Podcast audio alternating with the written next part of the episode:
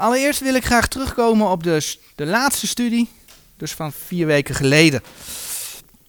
Uh, in die studie had ik stilgestaan bij het feit dat de profeten, ook de apostelen, over spreken over het wegrollen van de hemelen.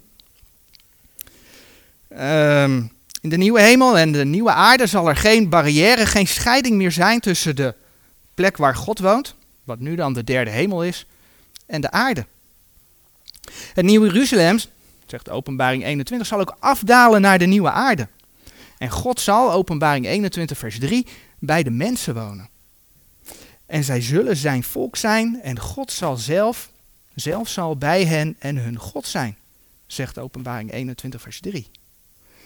Nu citeerde ik toen Jesaja 34 vers 4 over het wegrollen van de hemel als een boek. En daar kwam toen een vraag over en ik heb daar nog eens naar gekeken. En in de context van Jesaja 34 blijkt dan dat het gedeelte gaat over de tweede komst van de Heer Jezus. Dus als je het over de tweede komst hebt, dan zit je hier zo. En dan moet het duizendjarige vrederijk nog plaatsvinden. Dat is. Duizendjarig vrederijk moet nog plaatsvinden. De Satan moet nog een korte tijd losgelaten worden. En pas dan zullen deze aarde en deze hemelen vernietigd worden. Zullen door vuur vergaan. Pas dan zal die scheiding tussen de Heer en de mensen opgeheven worden. Pas dan zal het nieuwe Jeruzalem naar beneden komen. Nu hoeft dat in principe geen probleem te zijn. En dan bedoel ik dat ik daar Jesaja 34 vers 4 aangehaald heb. Waarom niet? Omdat de profeten wel vaker zaken in één vers noemen, waar soms 2000 jaar tussen zitten. Neem de eerste komst en de tweede komst van de Heer Jezus, die worden in de profeten soms in één vers genoemd. Maar het was in dat geval beter geweest als ik Hebreeën 1 vers 10, en dat gaan we opzoeken, vers 10 tot en met 12 had geciteerd, want daar is het verband met het versmelten van de hemel en de aarde, rond het laatste oordeel, en het wegrollen van de hemelen zonneklaar. Hebreeën 1 vers 10 tot en met 12. Daar staat geschreven.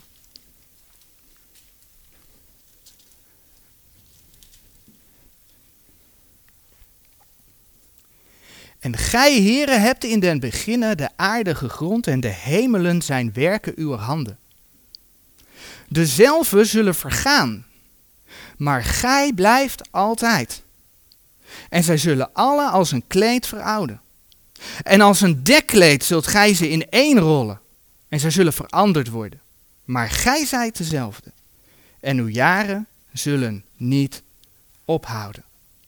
Hier zien we dus dat de hemelen zullen in één rollen wanneer zij, zoals de Bijbel dat op een andere plek zegt, zullen vergaan. En daarbij gaat het niet zozeer om de tweede komst, maar wel om dat moment wanneer het laatste oordeel zal gaan plaatsvinden en de nieuwe hemel en de nieuwe aarde gaan ontstaan. En hier wil ik dit, wat Jesaja 34 vers 4, nu even bij laten en verder gaan met de studie. En uh, verderop zullen we nog een voorbeeld tegenkomen waarin we ook zien dat soms één vers op een totaal andere bedeling kan slaan dan, uh, uh, dan dat de context dat doet. Want we zijn eigenlijk in elf delen tot nu toe heel Gods plan doorgelopen. We zijn bij de schepping begonnen. En we hebben gezien hoe de Heer de mens maakte, hoe de mens in zonde viel. We hebben gezien hoe God de belofte gaf dat er een verlosser zou komen dat er afgerekend zou worden met, uh, met het zaad van de. Dat het zaad van de vrouw de kop van de slang zou vermorzelen. Dan zeg ik het op de juiste manier. En de mens mocht met die belofte verder leven. Maar luisterde de mens toen ook naar God? Nee. God moest de zondvloed sturen. Na de zondvloed sloot God met Noach een nieuw verbond. Luisterde de mens naar God? Nee. De mens verspreidde zich niet over de aarde, ging een grote toren bouwen om niet op God te vertrouwen, maar op zijn eigen kenniskunde, zijn eigen toren, de eigen religie maken. God greep in, verwarde de talen. God riep Abraham, sloot met Abraham een nieuw verbond. Alle volken zouden daarin gaan delen. En de zegen die zou, door de Heer Jezus, en de zegen zou van Abraham op Isaac op Jacob doorgaan. Israël is het uitverkoren volk van God geworden. Maar met dat volk Israël ging het van kwaad tot erger. Ze kwamen in Egypte. God stuurde een verlosser, bevrijdde het volk van de slavernij, richtte met hen, en dan komt het weer, een verbond op, het verbond van de wet. Het teken van dat verbond was de Sabbat. En tijdens dat verbond van de wet sloot God nog twee verbonden. Het ene verbond wordt door mensen vaak het Palestijns of Diaspora-verbond genoemd. God wist dat het volk zou gaan zondigen, dat het volk in de verstrooiing zou komen. En hij beloofde, er komt een moment dat jullie je gaan bekeren en dan zal ik jullie terughalen naar het beloofde land. God sloot een verbond met David. Hij zei tegen David dat zijn koninkrijk in eeuwigheid zou bestaan. Wij weten dat dat ziet op de Heer Jezus, die straks eeuwig koning zal zijn.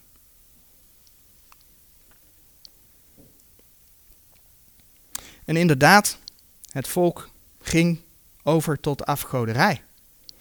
Het volk kwam in ballingschap. Het werd verstrooid. Maar twee stammen kwamen terug, na 70 jaar. Waarom? God had gezegd, de Messias zal in uh, Bethlehem geboren worden. Gods woord gaat in vervulling. Gods woord is waar. En de Heer Jezus stierf voor de zonde van het volk Israël. Maar ook voor de zonde van alle mensen. En wat zien we dan gebeuren? Het volk Israël verwerpt de Messias. Het koninkrijk wordt uitgesteld. En nu zien we dat de Heer zich een gemeente verzamelt uit gelovige Jood, gelovige heiden, die de Heer Jezus hebben aangenomen en die uh, daardoor tot wedergeboorte zijn gekomen. De apostel Paulus kreeg van God de, de, de, boodschap van het evangelie der genade Gods om dat uh, te verkondigen. En wat gebeurt er? Die periode eindigt in een falend christendom. Met de daarbij behorende afval van het geloof. Nou, wij verwachten natuurlijk de opname van de gemeente. En als we naar de tekenen der tijden kijken, weten we dat we daar niet ver af zitten. Als de gemeente is opgenomen, dan breekt op aarde de zevenjarige grote verdrukking aan. Gods toorn zal over de aarde gaan. Er zal een valse messias komen, de antichrist. Hij zal iedereen dwingen om voor hem te buigen, zijn merkteken aan te nemen. Maar uiteindelijk komt dan de Heer Jezus terug.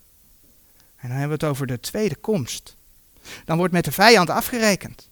De duivel wordt dan voor duizend jaar gebonden en er zal een periode van grote vrede over de aarde gaan. Het duizendjarige vrederijk. Israël komt aan het eind van die grote verdrukking tot bekering. Zal in het land wonen. Dan gaat het nieuwe verbond volledig in vervulling. De Heer Jezus zal koning zijn. Na die tijd wordt de Satan nog een korte tijd losgelaten. En zelfs dan zal hij nog velen achter zich aankrijgen. Maar dan gaat de Heer definitief ingrijpen. De duivel wordt verslagen en in de poel des vuurs geworpen. Het laatste oordeel zal plaatsvinden en daarna zal er een nieuwe hemel en een nieuwe aarde komen. Het nieuwe Jeruzalem zal naar de aarde afdalen. En God zal altijd met de mensen zijn. En dat koninkrijk zal zich in eeuwigheid uitbreiden. En daarmee zijn we dus de hele geschiedenis doorgelopen. Vanaf de schepping tot aan de nieuwe hemel en de nieuwe aarde. Wat nu nog ver in de toekomst is. En dan zijn er nog mensen die durven zeggen dat de Bijbel geen geschiedenisboek is. De Bijbel is juist wel een geschiedenisboek. De Bijbel is een bijzonder geschiedenisboek. Want ook de toekomst staat erin. En wat de Heer geopenbaard heeft, gaat 100% in vervulling. Nou, vandaag, vanmorgen en de volgende keer willen we hier nog wat verder induiken. En dan met name op het feit dat de Heer in verschillende tijden op verschillende manieren met de mens handelt. Maar ook dat hij verschillende groepen, met verschillende groepen op verschillende wijze handelt. En dat is eigenlijk wat we de geschiedenis door al gezien hebben. Maar het is goed om ons dat te realiseren, want het bepaalt hoe wij de Bijbel lezen. Velen zeggen bijvoorbeeld dat de Bijbel zichzelf op sommige plaatsen tegenspreekt. Maar als je rekening houdt met het feit dat we zojuist hebben gezegd dat de Heer in verschillende tijden en met verschillende groepen op verschillende wijze handelt, dan ga je zien dat de Bijbel zichzelf helemaal niet tegenspreekt, maar dat het eigenlijk een eenheid is en het ontwikkelt zich. Nou, de Bijbel zegt dat de Heer Jezus altijd dezelfde is. In Hebreeën 13, vers 8, daar staat geschreven: Jezus Christus is gisteren en heden dezelfde en in der eeuwigheid. Alleen deze tekst wordt best wel vaak ten onrechte aangehaald. We hebben het in de serie bijvoorbeeld gehad over het verschil tussen het koninkrijksevangelie, zoals de Heer Jezus en de discipelen het op aarde verkondigden toen de Heer Jezus op aarde kwam. En we hebben gezien hoe Paulus van de Heer de boodschap van het evangelie der genade Gods heeft gekregen, om dat te verkondigen. Daar zat verschil tussen. En we zagen dat daar waar men vandaag de dag dat koninkrijksevangelie predikt, men dat vaak gepaard laat gaan met tekenen en wonderen. Valse tekenen en wonderen. Tekenen en wonderen die of nep zijn, dat als je ze later gaat verifiëren, dan klopt het helemaal niet. Maar ja, er gebeuren soms wel dingen. En dan zijn die dingen niet van de Heere God afkomstig. Waarom? Omdat de Heer in deze tijd geen tekenen meer verricht door de handen der apostelen. Simpelweg omdat er geen apostelen meer zijn. En we hebben daar wel bij stilgestaan. 1 Korinthe 4 vers 9 en 2 Korinthe 12 vers 12. Daar kun je dat onder andere vinden.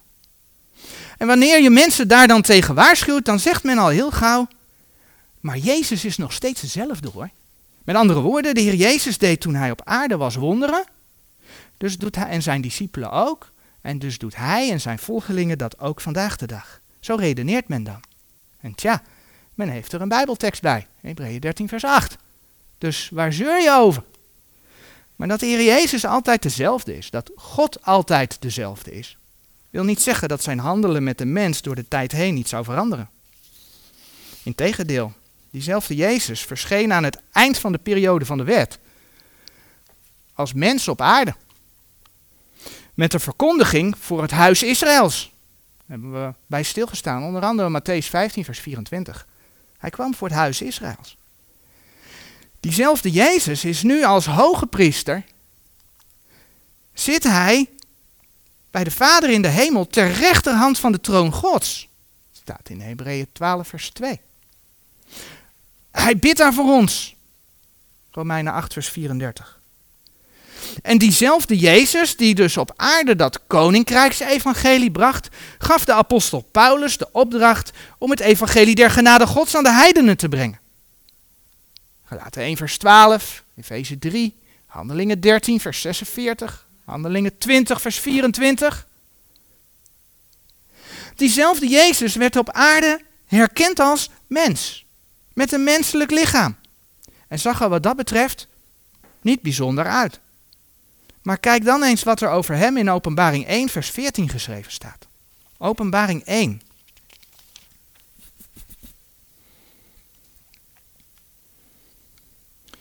Lezen we over hem en zijn hoofd en haar was wit gelijk als witte wol, gelijk sneeuw, en zijn ogen gelijk een vlam vuurs. En zijn voeten waren blinkend koper gelijk en gloeiden als in een oven, en zijn stem als een stem van vele wateren. En hij had zeven sterren in zijn rechterhand, en uit zijn mond ging een tweesnijdend scherp zwaard en zijn aangezicht was gelijk de zon schijnt in haar kracht. Dat is de Heer Jezus. Op het moment dat de uh, apostel Johannes hem in de hemel ziet. Diezelfde Jezus zal met macht en majesteit terugkomen en als koning regeren op de troon van zijn heerlijkheid.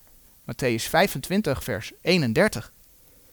En in het nieuwe Jeruzalem zit hij niet ter rechterhand van de troon Gods, zoals hij nu in de hemel zit, Zit hij niet op de troon van zijn heerlijkheid zoals hij in het duizendjarig vrederijk zit, maar zit hij op de troon van God en het Lam, openbaring 22 vers 3.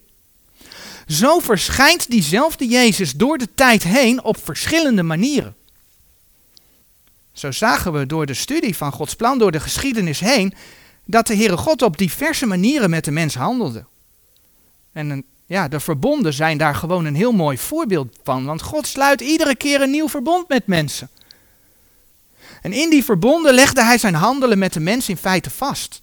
onder de wet, de periode van de wet, moesten de mensen offers brengen. Wij hoeven geen offers te brengen. Want de Heer Jezus heeft het voor ons volbracht. Hij is voor onze zonde gestorven. De Heer hield Israël in het Oude Testament heel duidelijk de zegen en de vloek voor wanneer zij de wet al dan niet deden. Israël moest de Sabbat houden. Israël moest de spijswetten houden. De gemeente hoeft zich daar niet aan te houden.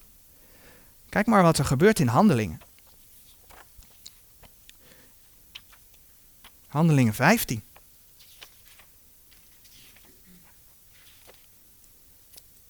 In Handelingen 15, vers 5. Daar staat geschreven. Maar zeiden zij, er zijn sommigen opgestaan van de secte der Fariseeën, die gelovig zijn geworden, zeggende dat men hen moet besnijden en gebieden de wet van Mozes te onderhouden. Ja, het evangelie gaat uh, Jeruzalem door, de wereld over. Ook fariseeën komen tot geloof, die altijd de wet van Mozes hebben gehouden. Ja, maar jullie moeten wel de wet houden. Jullie moeten je wel laten besnijden. Jullie moeten wel zus, jullie moeten wel zo. En dan wordt daarover vergaderd in, in Jeruzalem. En dan lezen we in vers 28 en 29 wat het besluit is. Heel duidelijk. Want het heeft de Heilige Geest in ons goed gedacht, u lieden geen meerdere last op te leggen dan deze noodzakelijke dingen. Namelijk dat gij u onthoudt van hetgeen de afgode geofferd is, en van bloed, en van het verstikte en van hoererij. Van welke dingen, indien gij uzelf wacht, zo zult gij wel doen. Vaart wel. Dat is de conclusie. De Heere vraagt van ons als leden van zijn lichaam dat wij ons onthouden van wat aan de afgoden geofferd is, dat wij ons onthouden van bloed, onthouden van het verstikte en onthouden van hoererij. Dat is wat er staat. Dat zijn vier dingen. Worden we daardoor behouden? Nee, absoluut niet. Maar als we die dingen niet doen, dan zult gij wel doen. Dat is wat er staat. Maar buiten die vier dingen is de gemeente dus niet verplicht om alle inzettingen van de wet na te leven. Want dat is de conclusie van het feit dat men zei, ze moeten de wet van Mozes onderhouden. En het is dan ook niet voor niets. De boodschap aan de gemeente luidt, gelaten 3 vers 10. Want zoveel als er uit de werken der wet zijn, die zijn onder de vloek. Dus gelaten 3 vers 10. En dan gaat vers 13 verder met, Christus heeft ons verlost van de vloek der wet. Wanneer wij dus bepaalde regeltjes in de wet lezen, de eerste vijf boeken van Mozes, kunnen we niet zeggen, doe dat en gij zult leven. Doe dat en je bent behouden. Zoals de opdracht wel was voor het volk Israël. Doe dat en gij zult leven. Deuteronomium 30 vers 16. Dat is de wet die gold voor het volk Israël onder het oude verbond. Zo zien we dus hoe de Heer in Efeze 2 vers 8 zegt, uit genade zijt gij zalig geworden door het geloof. Efeze 2 vers 8 voor de gemeenteperiode. Ons behoud is niet uit te werken, zegt Efeze 2. En dat terwijl het grootste deel van het Oude Testament, nemen we in ieder geval even de wet, bestond uit het feit dat men naast genade en geloof ook werken moest doen. Die spelen daar een rol. Men moest de inzettingen van de wet houden. Deuteronomium 30, vers 16. Geloof. Is er altijd sprake van geloof? Nee. Niet altijd. In het begin wandelden Adam en Eva met God in het paradijs. Zij spraken met hem. Daar was geen sprake van geloof. Want wat was geloof ook alweer? Geloof was, het geloof nu is een vaste grond der dingen die men hoopt en een bewijs der zaken die men niet ziet. En die situatie gaat terugkomen. Denk aan het duizendjarig vrederijk. In het duizendjarig vrederijk zal men de koning aanschouwen. Dan is er dus geen sprake van geloof, maar wel van werken. Zacharia 14, vers 17. Men zal moeten komen naar Jeruzalem om te aanbidden. Als men dat niet doet, zal er geen regen zijn. Zacharia 14, vers 17. En natuurlijk volgt dan het laatste oordeel. Hier zo. En als men daar veroordeeld wordt, zal men geen deel krijgen aan de boom des levens, zegt Openbaring 22, vers 14. Geen deel krijgen aan de boom des levens in het nieuwe Jeruzalem. En loopt men het eeuwige leven mis. En daar hebben we dus weer een verschil met de gemeentebedeling. Want wij hebben geen deel aan de boom des levens. Wij hebben deel aan Jezus Christus. Jezus Christus, onder andere 1 Timotheüs 1 vers 16, dat is ons behoud. Tijdens de grote verdrukking zullen velen zich bekeren en geloven in de Heer Jezus. En ja, in de grote verdrukking speelt geloof wel degelijk een rol. Geloof in de betekenis van Hebreeën 11 vers 1. Hè? Want men leeft dan nog niet in aanschouwen. Maar wel spelen werken weer een rol, want men mag het merkteken van het beest niet aannemen. Men zal moeten volharden tot het einde. Matthäus 24 vers 13 en Openbaring 14 vers 9 tot 12. Allemaal elementen die door de geschiedenis heen allemaal aan bod zijn gekomen. En als het dan om geloof en werken en, en, genade wordt vaak alleen op de gemeentebedeling toegepast. Maar als je in het Oude Testament gaat kijken, dan deelt God ook echt zijn genade uit hoor. Dat David niet gedood werd nadat hij de, de, de affaire met uh, Bathsheba. Dat was genade van God. Want volgens de wet had David gedood moeten worden. En zo zijn er vele voorbeelden meer aan te halen. Maar er zijn dus verschillen in de tijd. En ik weet dat, wat ik net besproken heb, voor velen tegenwoordig een soort van vloeken in de kerk is. Maar we hebben vanuit Gods woord Gods plan doorgelopen en ik, er is niks bij bedacht. Dit is wat de Heer in zijn woord zegt. En waarom dit voor velen vloeken in de kerk is, is omdat de meeste mensen alles uit de Bijbel op één grote hoop gooien, lekker roeren, één groot allegaartje maken en dan nou, eens kijken wat voor boodschap er voor mij uitkomt. Dat is een beetje hè, wat de kerk ook gedaan heeft met, met de oordelen. Ga maar eens in de Nederlandse geloofsbelijdenis opzoeken wat de kerken met de oordelen doen. Alle teksten die over oordeel gaan op één grote hoop. Dat is het laatste oordeel. Nee hoor, zegt Gods woord, dat is niet zo. Men let er niet op tegen wie de Heer iets zegt, maar past alles op zichzelf toe. En probeert dan allerlei teksten die op het eerste oog tegenstrijdig lijken, maar die niet tegenstrijdig zijn, omdat de Heer het over een andere groep mensen, misschien wel in een andere tijd heeft. Maar goed, allerlei teksten die, die tegenstrijdig lijken zo uit te leggen dat ze op één en dezelfde situatie van toepassing zijn. Zo gaat men grofweg met Gods woord om. Nou, een voorbeeld wat ik al wel eens eerder heb aangehaald, maar wat heel mooi binnen dit verhaal past, is dit. Tegenwoordig wordt in christelijke kringen veelal geleerd dat mensen, alle mensen, in alle tijden op dezelfde wijze behouden worden. Nou, als je Hebreeën er nog een keer bij pakt en in vers 13 kijkt, wat daar staat. Hebreeën 11, vers 13.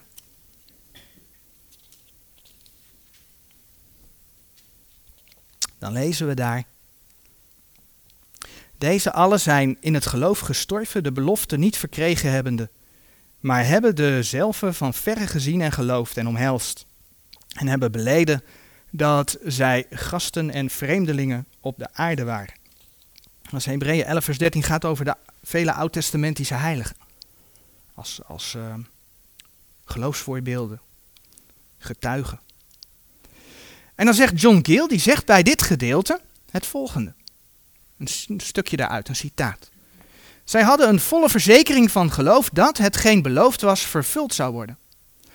Allen omarmden door het geloof de Messias en hadden deel aan zijn bloed, rechtvaardiging, offer en genade, waardoor zij behouden werden, net zoals de nieuwtestamentische gelovigen. Einde citaat van John Gill. En ik ben het op diverse andere plekken tegengekomen. Dit is echt, nou ja, een, uh, een uh, paradepaadje binnen de Bijbel uitleggen, zeg maar, tegenwoordig. In evangelische kringen leert men dan ook vaak dat de mensen in het Oude Testament vooruitkeken naar het kruis. En wij als gemeente kijken terug naar het kruis. En dan te bedenken dat in het Oude Testament helemaal niet bekend was dat de Messias aan een kruis zou sterven. De eerste keer dat dat bekend wordt is Matthäus 20, vers 19. Dan te bedenken dat de discipelen, daar hebben we al eerder bij stilgestaan, de dood, de begrafenis en de opstanding niet begrepen. Helemaal niets snapten ze ervan. Zelfs toen de Heer Jezus opgestaan was nog niet. We gaan het toch nog een keer opzoeken, want dat is belangrijk in dit verhaal. Lucas 24. In Lucas 24, vers 6 en 7. Ja, dan hebben we het dus over de opstandingsgeschiedenis van de Heer Jezus. Lucas 24. Lucas 24 vanaf vers 6. Hij is hier niet, maar hij is opgestaan. Gedenkt hij hoe hij tot u gesproken heeft als hij nog in Galilea was, zeggende, de zoon des mensen moet overgeleverd worden in de handen der zondige mensen en gekruisigd worden en ten derde dagen weer opstaan. Nou, daar hebben we het. Hè? Dat is het evangelie der genade gods. De Heer sterft voor de zonde, is begraven en hij is weer opgestaan. En dan moet je kijken wat er gebeurt in vers 11. Die boodschap wordt de discipelen gebracht. En wat staat er dan? En haar woorden schenen voor hen als ijdel geklap. En zij geloofden haar niet. Punt. Zelfs toen geloofden ze het nog niet. Dus laat staan dat ze reeds vooruitkeken naar het kruis. Dat deden de discipelen echt niet.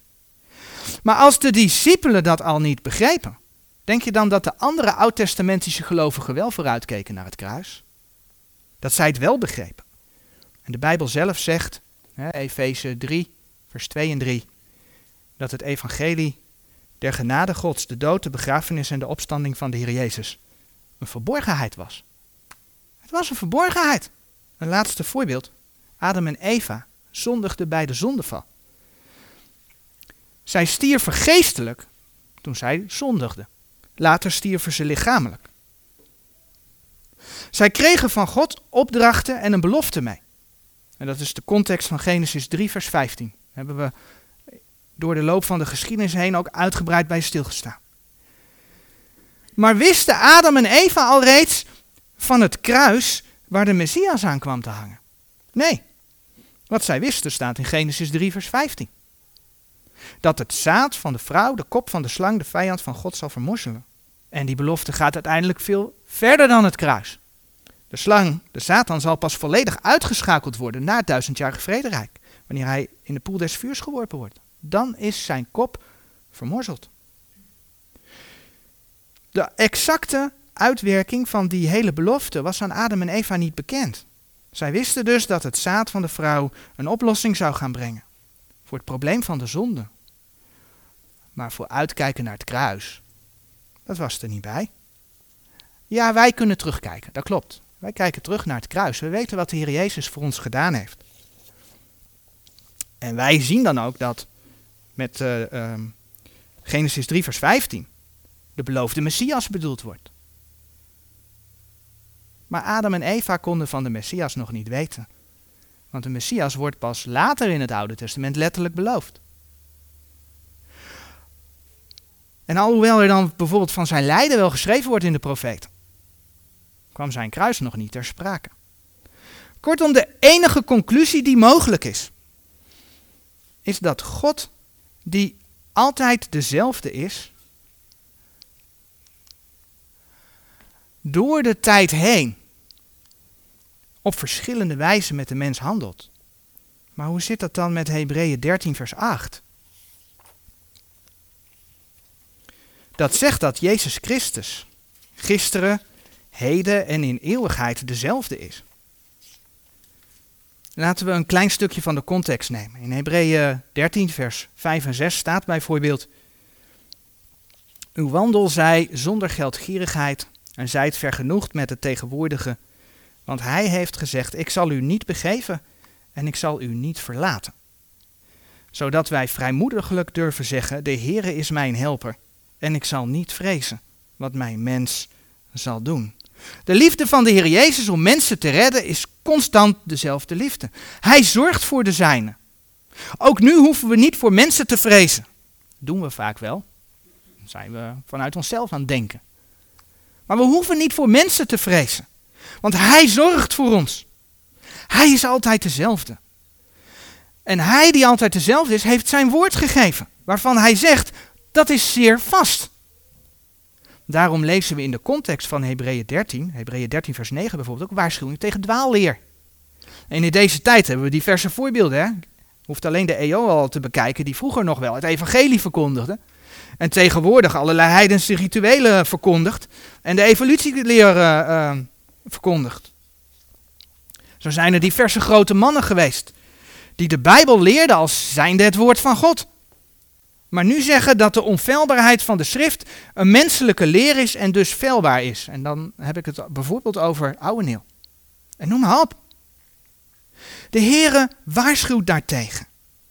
Want Jezus Christus is gisteren, heden en in de toekomst dezelfde. Zijn woord is onveranderlijk. Maar dat wil dus niet zeggen dat Gods handelen met de mensen in de tijd niet verandert, want dat openbaart hij juist in dat vaste woord. Hij heeft zijn handelen vastgelegd in zijn woord. God handelt volgens plan. En wat mensen daarover te zeggen hebben, is dan te toetsen aan zijn woord, Handelingen 17, vers 11. En met al die verschillen zien we dat er in de loop van de geschiedenis, van begin tot eind, van Genesis tot openbaring, verschillende perioden aan te wijzen zijn. En in elke periode werkt de Heer op een andere manier met de mens. En die perioden worden dan wel weer bedelingen genoemd. Men spreekt wel van de bedelingenleer. En dat woord veroorzaakt dan, zeker in kerkelijke kringen, vaak weer een negatieve reactie. Maar bedeling is wel een heel bijbels woord. En alhoewel de bedelingenleer een menselijke titel is, niet voor niks, want zodra je een leer hebt kun je het afschieten. Een menselijke titel hebben we te maken met de meest bijbelse bijbelstudiemethode die er is. Terwijl wij door de geschiedenis heen gelopen zijn, hebben we gezien dat God in de periode van de wet met name met Israël handelde. Tegen Paulus zegt hij op een gegeven moment, als Israël niet meer wil, ga naar de heidenen. Weliswaar bestaat een gemeente, zowel uit uh, gelovige Jood als gelovige heiden. Maar het evangelie gaat toch met name naar de heidenen nu. En dan laat Gods woord zien dat als de gemeente weg is, dat God weer handelt door Israël. Met andere woorden, Gods woord maakt onderscheid in groepen mensen. En de Bijbel is dus gericht aan Joden, aan de gemeente en aan heidenen. En er is één vers, 1 Korinthe 10 vers 32, die staat hierboven, waarin al die drie heel netjes mooi samen in één vers staan. Wij stonden aanstoot te geven, en de Joden, en voor de Joden, en de Grieken, en voor de Grieken, en der gemeente Gods, en voor de gemeente Gods. Dat betekent dus dat de Bijbel informatie bevat voor Israël, die niet voor de gemeente hoeft te zijn. Informatie voor de gemeente die niet voor Israël hoeft te zijn. Maar ook informatie voor heidenen die niet voor de gemeente of voor Israël hoeft te zijn. En andersom. Zo zien we dat wanneer we een Bijbelgedeelte lezen, we dus heel duidelijk zullen moeten opletten aan wie is het gericht. En een fout die in het verleden en, en nog door vele kerken en groeperingen gemaakt is, is te zeggen dat God met Israël zou hebben afgedaan. En dat God nu met de kerk werkt. Maar als God nu met Israël zou hebben afgedaan en uh, door de gemeente werkt, door de kerk werkt, dan klopt het niet dat de Heer hier nog alle drie noemt. Want naast de gemeente noemt God de Joden toch echt apart. In 1 Korinthe 10, vers 32. Wat men vaak doet, is dat voor alles waarin de Bijbel dan Israël staat, met name natuurlijk ook de belofte, niet zozeer de vloeken, maar leest men vervolgens de gemeente, de kerk. En men geeft de Bijbel dus bewust een andere inhoud en gaat dus tegen Gods woord in. En daar moeten we voor oppassen. Want zoals blijkt door het bestuderen van Gods plan, door de tijd, heeft God helemaal niet afgedaan met het volk. Integendeel, hij heeft grote beloften van herstel gegeven. Denk aan dat diaspora-verbond. Ja, het volk zou in de verstrooiing gaan, maar God gaat ze terughalen als ze tot bekering komen. Dat is een belofte. En een ieder die zich de gedachte aanmatigt Israël vervangen te hebben, daarvan zegt de Heer dat hij een synagoge des Satans is. En dat is nogal wat voor uh, vele kerkgenootschappen in deze tijd, als ze dat eens tot zich door laten dringen. Maar Openbaring 2, vers 9. Openbaring 2, vers 9. Daar lezen we.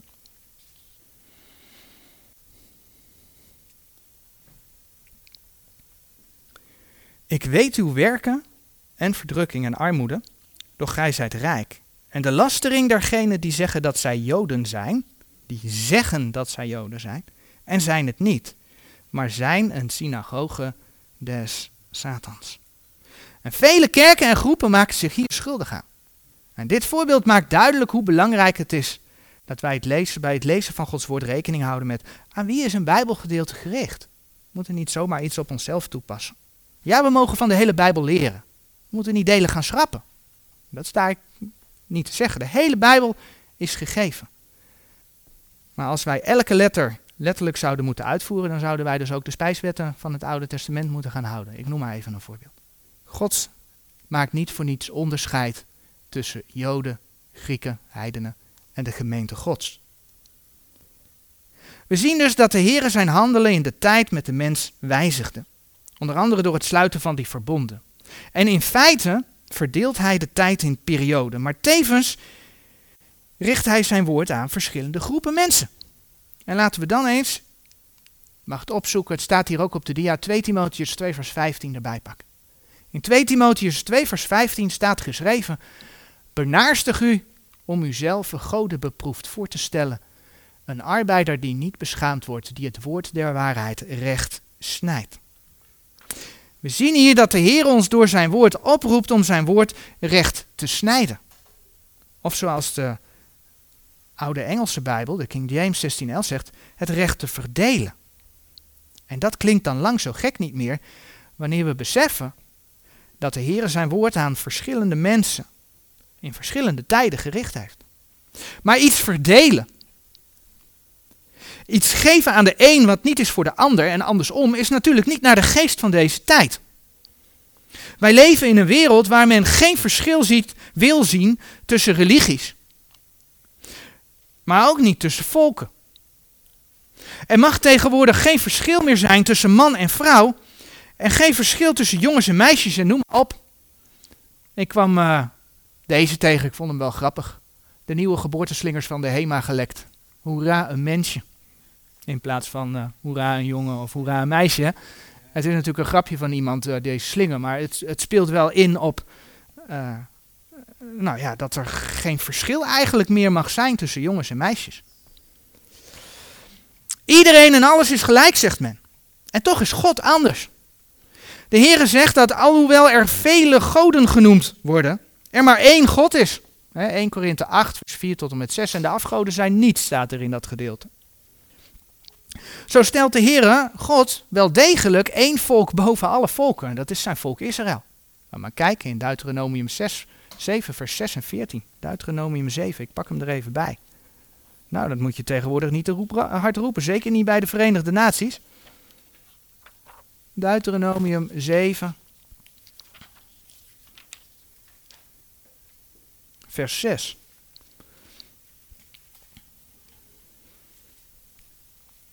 Zegt God tegen Israël, want gij zijt een heilig volk, de Heere, uw God. U heeft de Heer uw God verkoren, dat gij hem tot een volk des eigendoms zou zijn, uit alle volken die op de aardbodem zijn. En dan even verder, vers 14 van Deuteronomium 7. Gezegend zult gij zijn boven alle volken. Doe maar. Dat zegt God over Israël. Hij stelt een volk boven de volken. En God geeft man en vrouw, als je in Efeze 5 gaat lezen, toch echt wel een bepaalde positie ook binnen het huwelijk. God maakt onderscheid. Hij maakt verschil. En wees nou eerlijk, hij mag het toch zeggen. Nu gaat Psalm 96, vers 5 en Psalm 115 lezen. Hij is de schepper van hemel en aarde. Hij heeft een bepaald doel mee, een bepaald plan ingelegd. Dus wil je Gods waarheid ook in zijn woord zien, dan kun je dus maar beter houden aan datgene wat hij aanreikt in zijn woord. En dat is, verdeel zijn woord. Snijd zijn woord recht. Nou, we leven in de laatste tijd. De afval van het geloof slaat in de eindtijd om zich heen komt onder andere tot uiting in de wereldgelijkvormigheid. Worden we tegen gewaarschuwd hè, in de Bijbel, Romeinen 12, vers 2. Maar nee, we zijn het liefst zo wereldgelijkvormig mogelijk. Gaan we zingen tot eer van de Heer, dan maken we er een heuse disco, zo niet uh, houseparty van. De Bijbel waarschuwt tegen wereldgelijkvormigheid. Over wereldgelijkvormigheid gesproken, in de kerken, daar laat men de vrouw voorgaan.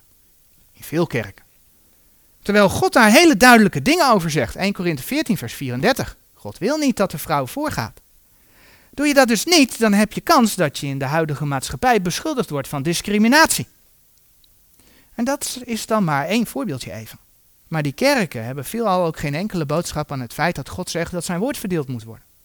En dat vind je dan weer in de nieuwe vertalingen. De nieuwe vertalingen vanaf 1880 na Christus. Als je 2 Timotheus 2 vers 15 in die nieuwe vertalingen gaat opzoeken, dan lees je bijvoorbeeld in het boek. Het boek. Doe je best, wees een goede werker voor God, die zich niet hoeft te schamen. Geef Gods boodschap onvervalst door. Dat is wat het boek ervan maakt. Je ziet hier dus dat het boek iets anders zegt dan de Statenbijbel. Er wordt nog wel gezegd dat Gods boodschap onvervalst doorgegeven moet worden. Maar hoe je dat dan moet doen, dat is eruit weg. Dat is voetzie. Dat Gods woord verdeeld moet worden, staat er niet meer. Hetzelfde gebeurt in groot nieuws. Of de Willybord vertaling. De, de NBV gaat echter verder. Daar lezen we dit. Span je in om voor God te staan als iemand die betrouwbaar is. Zorg dat je je niet voor je werk hoeft te schamen en verkondig regelrecht de waarheid. Dat is de NBV. En de BGT, die, die allernieuwste variant weer, hè, de Bijbel in gewoon de bijzonder giftige tekst, sorry. Die heeft iets van gelijke strekking als de NBV. Er is geen enkele verbinding meer met het woord van God. Want het verkondigen van de waarheid hoeft natuurlijk niet per definitie Gods woord te zijn. Ik bedoel, iedereen heeft tegenwoordig zijn eigen waarheid. En zo zien we hoe het proces van vervlakking doorgaat. In ieder geval zien we dat de meeste nieuwe vertalingen weglaten hoe Gods woord op een rechte manier gebracht moet worden. En dat wordt dus wel duidelijk als je naar de oude reformatiebijbels kijkt. We moeten Gods woord recht snijden en recht verdelen. Nou, wat houdt dat in? Kom ik eindelijk een keer op die taart te spreken die iedere keer aan het begin uh, uh, op, dat voor, op, die, op dat schema prijkte. Wanneer je een taart snijdt, dan doe je dat om dat te verdelen. Je geeft een ieder het stuk wat je diegene toebedeeld hebt. Je verdeelt de taart. Eigenlijk heel simpel. En voordat we dan verder ingaan op dat verdelen van Gods woord, laat deze tekst nog enkele andere dingen zien. We zien in de tekst dat de Heer uh, ons in zijn woord oproept om het te bestuderen. Benaastig u om uzelf een goden beproefd voor te stellen. Study to, uh, to shew thyself approved unto God. En er staat bij dat we dat zelf moeten doen. Een ieder moet voor zichzelf de Bijbel ter hand nemen en Gods woord bestuderen en het recht verdelen. En dan heb je die belofte dat je niet beschaamd wordt. Daartoe roept de Heer ons op.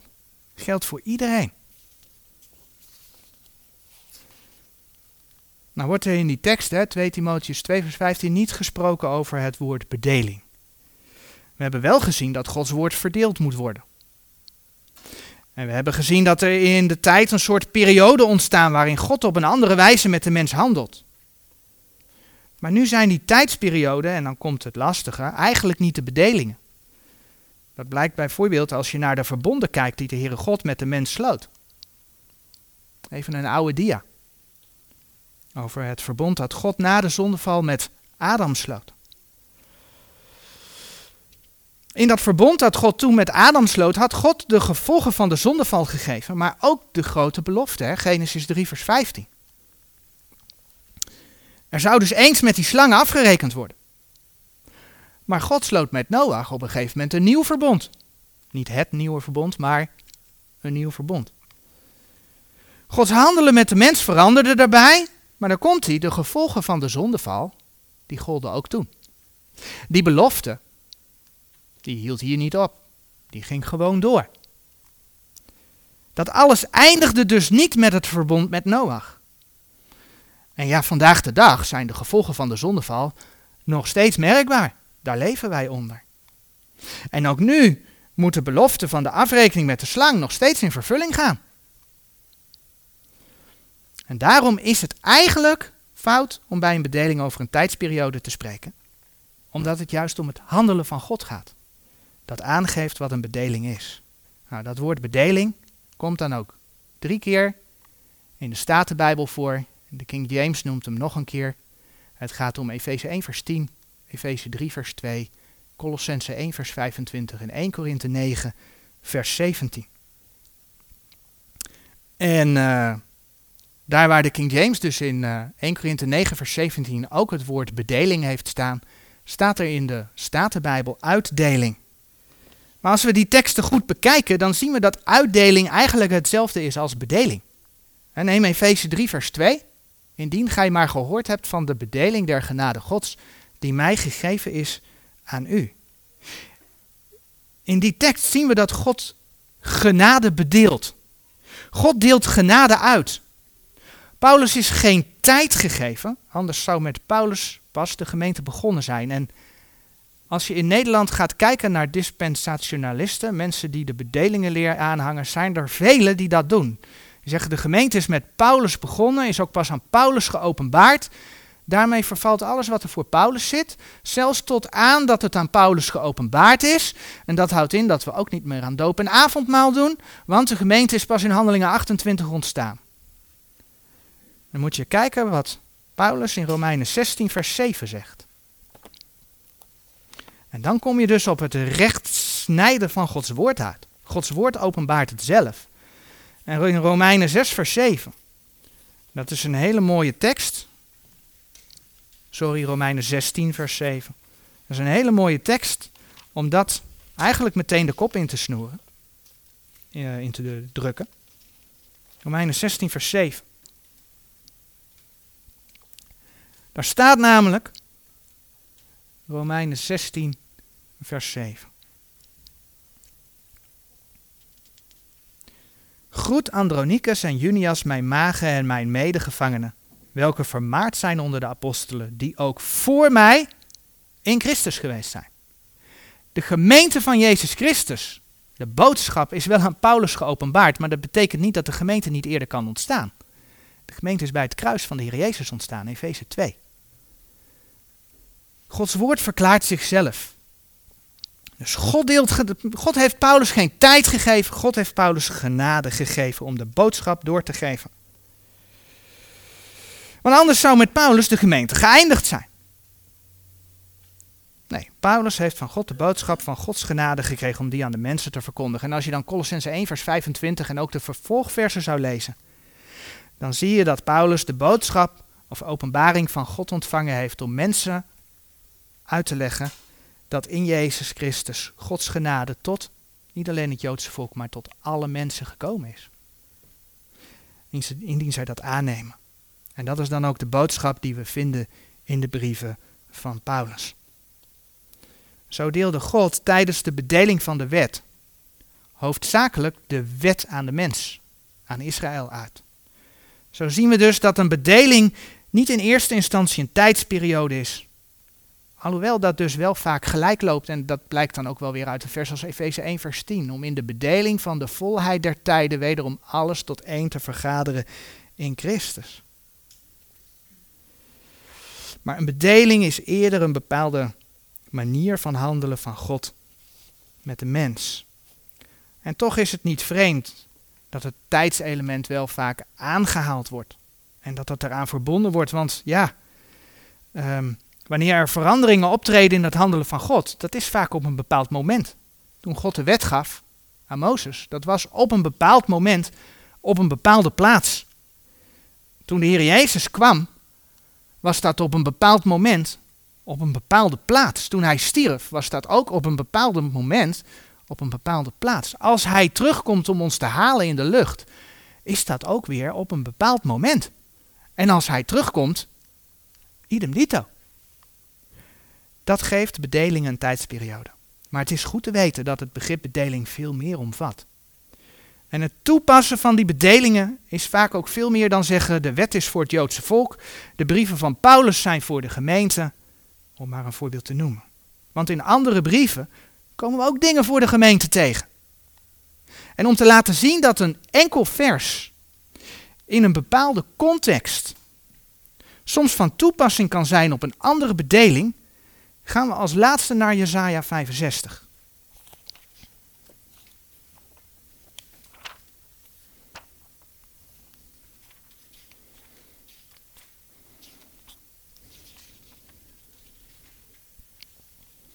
Ik kreeg een vraag van iemand naar aanleiding van Jesaja 65 en die zei dat gaat over de nieuwe hemel en de nieuwe aarde.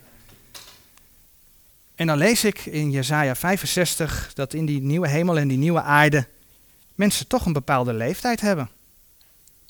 Hoe kan dat nou? Want op die nieuwe in die nieuwe hemel en op die nieuwe aarde is toch alles goed? Hoe kunnen ze dan een bepaalde leeftijd krijgen? Nou, in Jesaja 65 vers 17 lezen we. Want zie, ik schep nieuwe hemelen en een nieuwe aarde. En de vorige dingen zullen niet meer gedacht worden en zullen in het hart niet opkomen. Vers 17 gaat dus onmiskenbaar over de nieuwe hemel en de nieuwe aarde. En vaak denkt men dan dat het hele gedeelte over de nieuwe hemel en de nieuwe aarde gaat. En je ziet dan ook hè, boven Jezaja 65, vers 17 tot 25 het kopje staan, nieuwe hemel en nieuwe aarde. Een kopje wat er dus door mensen aan toegevoegd is. Maar lees dan eens Jezaja 65, vers 18. In Jesaja 65 vers 18 wordt gesproken over het feit dat Jeruzalem een verheuging geschapen wordt.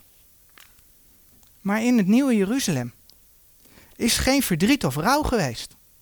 Waardoor er verheuging en vrolijkheid geschapen moet worden. Het nieuwe Jeruzalem, volgens Openbaring 21, vers 23, wordt door de heerlijkheid Gods verlicht. En in het nieuwe Jeruzalem komt niets dat verontreinigt volgens openbaring 21 vers 27. De conclusie is dat Jesaja 65 vers 18 niet gaat over het nieuwe Jeruzalem. En dat staat er ook niet. Vers 17 spreekt over de nieuwe hemel en de nieuwe aarde, maar vers 18 spreekt over Jeruzalem.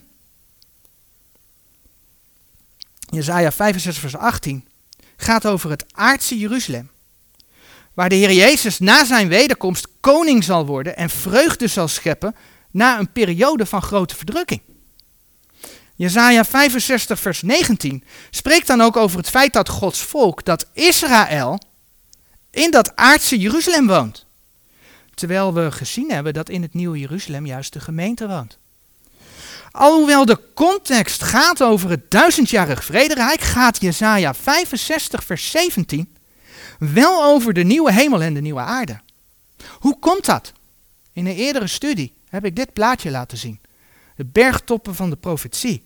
Ik vind dit een heel mooi voorbeeld. De profeten zagen over het algemeen eigenlijk alleen de bergtoppen van de profetie. En alles wat daartussenin lag, dat zagen zij niet. Zij zagen de geboorte, maar in één lijn door zagen ze eigenlijk ook de wederkomst. De eerste en de tweede komst zijn vaak aan elkaar gekoppeld. Maar op dezelfde wijze zie je hier in Jezaja 65 gebeuren dat de tweede komst gekoppeld zit aan de nieuwe hemel en de nieuwe aarde. Want de profeten zagen alleen die bergtoppen van de profetie. En dat betekent dus dat ze soms meerdere dingen tegelijk zagen. En door schrift met schrift te vergelijken, kunnen we dan Gods woord op een rechte manier verdelen. Nou, een volgende keer willen we een voorbeeld gaan bekijken. Ik denk een meer praktisch voorbeeld. Tijdens een van de studies kreeg ik de vraag wat dan het Koninkrijksevangelie inhoudt.